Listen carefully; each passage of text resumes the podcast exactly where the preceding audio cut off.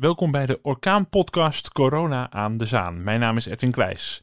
Er staat een enorme druk op de zorg, dat weten we allemaal. Maar hoe zou het zijn met al die mantelzorgers in Nederland, die het misschien ook wel steeds drukker en drukker krijgen en op wie de druk ook vast te groot wordt in veel gevallen? Dat ga ik vragen aan Mickey van Stichting Mantelzorgers onder elkaar. Hey Edwin. Dag Mickey, ik begin even met het volgende. Een, uh, een klein applausje lijkt me wel uh, op zijn plaats voor alle mantelzorgers in Nederland. En jij bent van de stichting Mantelzorgers onder elkaar. En denk dat dit ook drukke tijden zijn voor jullie. Uh, hoe, hoe beleef je deze tijd? Ja, het is inderdaad ontzettend druk. Um, we zijn echt in goed samenwerkingsverband op dit moment met Zaankanters voor elkaar en de sociale wijkteams en de gemeente omdat er toch wel heel veel uh, rigoureuze maatregelen zijn getroffen wat betreft uh, de, de, mantelzorgers. Um, en dan hebben we het specifiek over de dagbesteding. De dagbesteding is stopgezet. Um, dat houdt in dat mantelzorgers die hun zorgbehoevende twee of drie keer per week um, onder konden brengen bij een dagbestedingsorganisatie, dat nu niet meer kunnen. En het houdt in dat je na een hele lange periode van een zoektocht naar de ondersteuning, niet alleen voor je zorgbehoeven, uh, ben je uiteindelijk beland bij steding.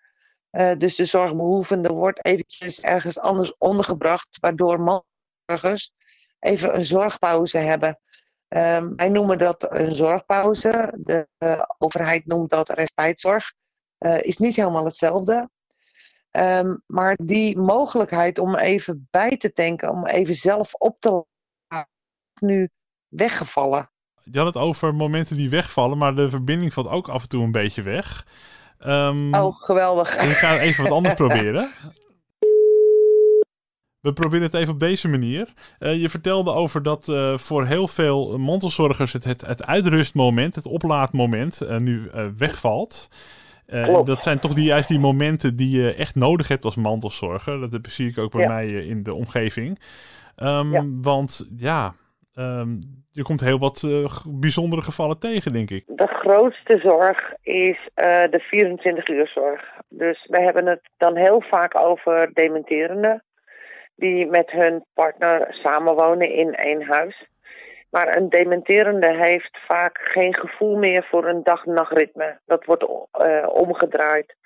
Dus veel dementerenden die gaan s'nachts op zoek naar um, een uitweg. Die willen ontsnappen, die voelen zich niet veilig.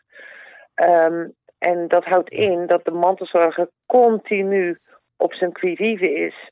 En ervoor wil zorgen dat de naaste veilig is dat houdt vaak in dat er dus mensen opgesloten worden in hun huis. Uh, de achterdeur niet uit kunnen, de sleutels niet uh, kunnen pakken en niet weg kunnen lopen. Um, dat, dat is een enorme inbreuk op het slaappatroon van de mantelzorger, van degene die de zorg levert. Met als gevolg dat die oververmoeid de dag begint. En als je op een gegeven moment, we hebben het, net wat ik net al zei, vaak over oudere mensen, -hmm. die uh, gewoon dat niet kunnen bolwerken. En als je op een gegeven moment denkt een half uurtje even heel snel een, een slaapje te kunnen doen, juist dan ontsnapt de dementerende. Uh, met als gevolg dat er een persoon verward over straat loopt. En dan? Dan moeten de hulpdiensten ingeschakeld worden, 112. Um, de mantelzorger is in paniek, maar de dementerende is ook in paniek. Um, het, het zijn echt verschrikkelijke situaties op dit moment. En het idee dat dus de mantelzorger niet kan uitrusten, geen respijt krijgt of die zorgpauze krijgt, ja.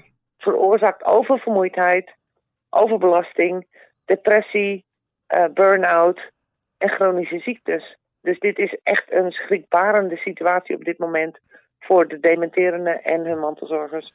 Ja, want met Stichting Moe, dus Stichting Mantelzorgers onder elkaar, ondersteunen jullie uh, met raad en daad de mantelzorgers. Jullie krijgen, krijgen jullie nu veel meer vragen? Uh, we krijgen niet meer vragen, omdat um, er een taboe heerst op wat er binnen de vier muren van een huis zich afspeelt.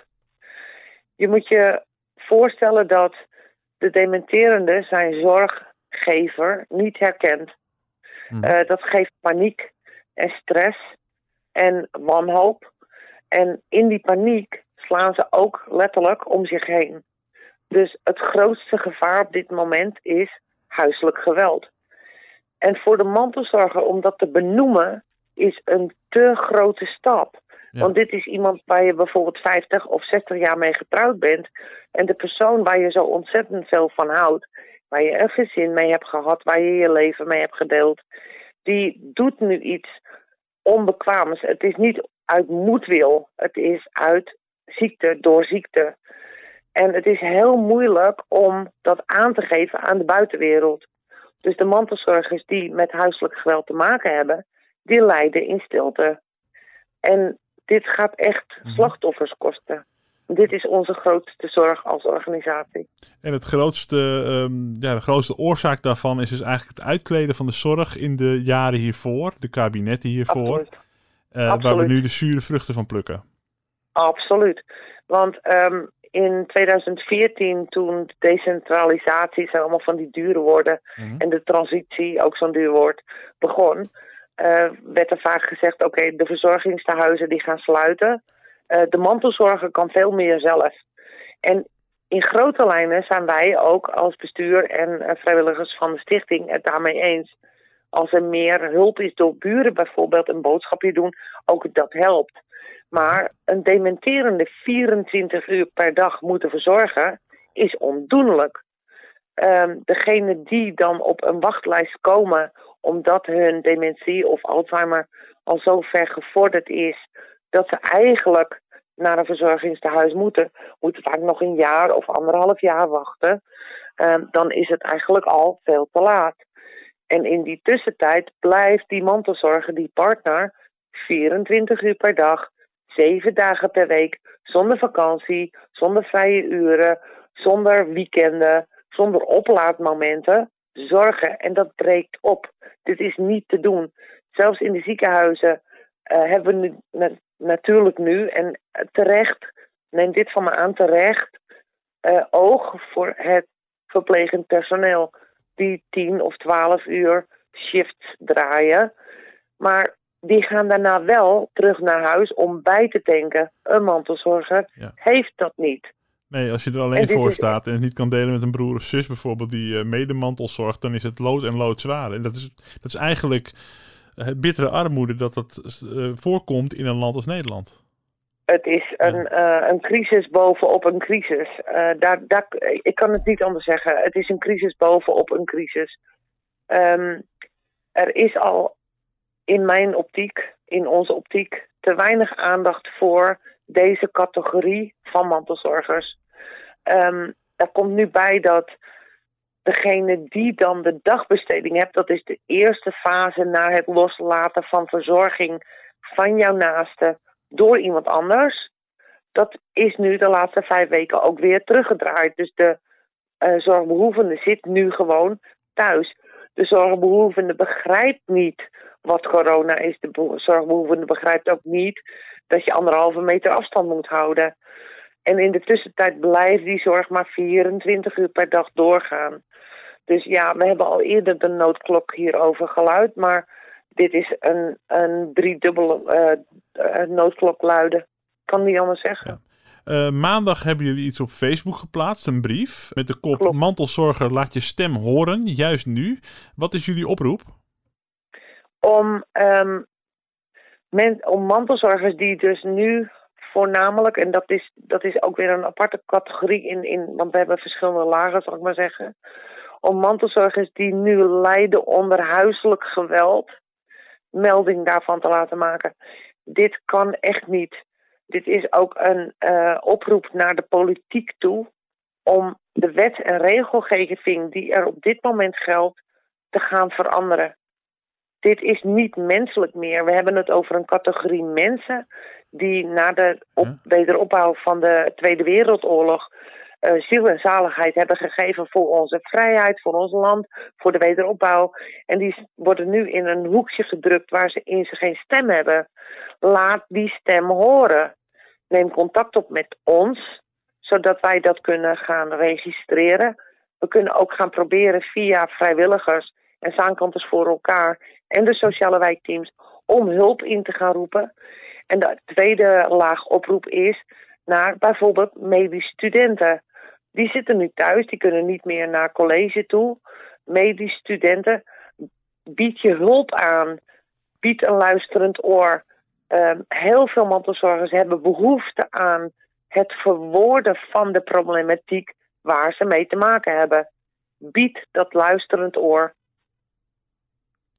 En dan de expertise die ze dan al hebben vanuit de studie en het, uh, en het meelopen in, in de zorg, kunnen ze zich ook in deze situatie nuttig maken. Want ja, als iedereen een tandje bijzet, kun je er veel meer bereiken. Absoluut waar. En het tweede is, ze kunnen zich ook bij ons melden. Wij hebben een factsheet over de problematiek die op dit moment speelt. En de adviezen die zij, de mantelzorger, kunnen geven om hulp in te gaan roepen. Ik heb nog wel eens het gevoel van, zie je nog wel, zie je nog door de bomen nog wel het, wel het bos in een tijd als deze? Want de, druk was al groot op mantelzorgers. Die zal alleen maar veel groter zijn geworden. Uh, waar, uh, waar haal jij de, de moed vandaan? Um, ja, dat is een hele goede vraag. ja, op dit moment uh, merk ik echt dat ik een beetje over, overwerkt ben. Um, het is uitputtend. Het is uitputtend ook omdat uh, Stichting Moe bestaat volgend, uh, volgende maand. Op 8 mei bestaan we vijf jaar. Uh, ik geef toe, we hebben heel veel bereikt. Um, dat komt ook omdat we ons echt verdiepen in de problematiek die er is. En dat ook kenbaar maken aan de politiek, bijvoorbeeld aan de gemeenteraad. En ja, er zijn acties ondernomen waardoor sommige aspecten van het intensieve mantelzorgen verbeterd wordt. Maar dit is wel een kwestie van lange adem. En het is gewoon ongelooflijk dat we wel uh, het ziekenhuispersoneel applaudisseren. Um, en nogmaals terecht. Uh, zo ook de leerkrachten, de ouders die thuis blijven. Maar waar blijft het applaus voor de mantelzorgers? Daarom begon ik er al mee. Dat is, uh, ja, dacht, het is wel op, wel op zijn plaats. Ik heb even een publiekje ingehuurd. Het zit allemaal anderhalve meter uh, uit elkaar. Uh, dat, begrijp je. Maar, um, Natuurlijk. ja, nee, maar ik bedoel ook, het, het gezegde gaat, je kan niet voor jezelf, voor een ander zorgen als je niet goed voor jezelf zorgt. Dus dat geldt ook voor de mantelzorg en ook voor jou. Want ik weet, uh, wij, wij kennen elkaar uh, wel redelijk. En ik, ik weet dat jij uh, dit ooit bent begonnen, deze stichting, uit je eigen ervaring. Omdat je zelf, ja, klopt. als zelf mantelzorger zijnde. Ja, klopt. Ik ben nog steeds mantelzorger. Ja. Ik doe dit nu 30 jaar. Ik heb nu mijn ouders om voor te zorgen die, die in een, een zelf opgedwongen lockdown zitten. Want mijn vader is volgens mij 84, mijn moeder is 78. Mm -hmm. uh, ze zijn kwetsbaar. Dus wij doen ook dat nog erbij.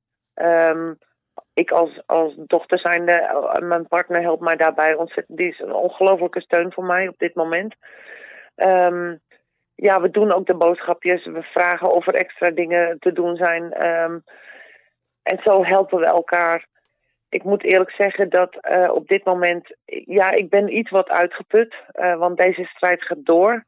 Uh, dit is al een vijf jaar durende strijd wat betreft mijn inzet voor de stichting. Als vrijwilliger wil ik het toch nog een keertje zeggen. Ik doe dit vrijwillig, 40 tot 60 uur per week. Ik ben heel erg trots op mezelf. maar er is nog zoveel te doen. Ja. En um, we begrijpen nu ook dat echt de mantelzorger zelf ook hier actie in moet gaan nemen. Ja, het is, uh, ik wens je heel veel uh, sterkte de komende tijd. Pas ook een beetje op jezelf. Ik hoop dat je af en toe toch uh, kan opladen. Absoluut. Um, ik heb want, twee honden gewoon... waar heerlijke lange wandelingen mee. Oh, kijk, dat, dat is uh, honden. Ik uh, hoor van heel veel mensen om mij heen, nu juist in deze tijd, die zeggen: nou, Ik heb een hond en ik wist niet wat de, hoe waardevol een hond kon zijn om af en toe even te ontspannen. Op een gegeven moment moeten ze ook naar buiten. En dan verdwing je jezelf ook eventjes om eventjes die wandeling te maken en even het hoofd uh, iets leger te maken. Maar bij jou is het hoofd altijd wel redelijk vol, dat, dat weet ik. dankjewel. Dank, dankjewel dat je even de tijd had om aan de telefoon te komen. En ik verwijs mensen graag door naar de, de, website ook, als ze meer willen weten of iets willen doen. Mantelzorgersonderelkaar.nl. Dankjewel. Klopt. En ik heb ook nog een telefoonnummer. Als je dat eventueel zou kunnen vermelden, zou dat heel fijn zijn. 06 444 60 693. Ik heb hem hier ook staan. Ik herhaal hem even. 06 444 60 693. Helemaal fijn. Geweldig. Zet ik ook even in de show notes en in, het, in de tekst bij, de, bij het artikel. Dankjewel, Mickey. Super, dank je, Edwin. Namens de stichting Mantelzorgers onder elkaar was dat Mickey Biddelkum.